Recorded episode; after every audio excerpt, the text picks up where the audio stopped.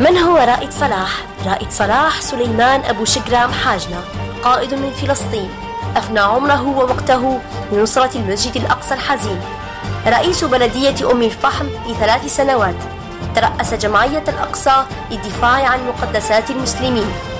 إنه الشوكة التي تنغص على الاحتلال الإسرائيلي مخططاته. كشف عن حفريات تحت المسجد الأقصى وفي محيطه.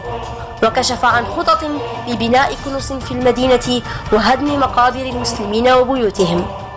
وعمر المسجد الأقصى وأطلق الحملات لشد الرحال إليه. وقد تعرض لمحاولات اغتيال عديدة لكنها لم تكن سديدة.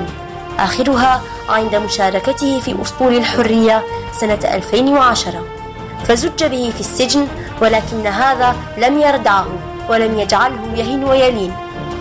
ولأنه يشكل خطرا على الكيان الصهيوني أرادوا النيل منه.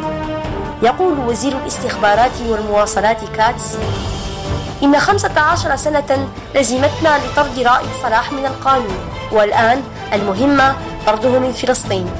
لماذا يحاولون طرده؟ لا شك أنهم بصدد مشروع صهيوني جديد ولا بد من إزاحة أيقونة الأقصى عن طريقهم. وهو الآن في أحد سجون الكيان الصهيوني وضع في مرحاض تحت المراقبة لتداس كرامته ولكنه عند الله عزيز. لن يكسر شيخ الأقصى رائد صلاح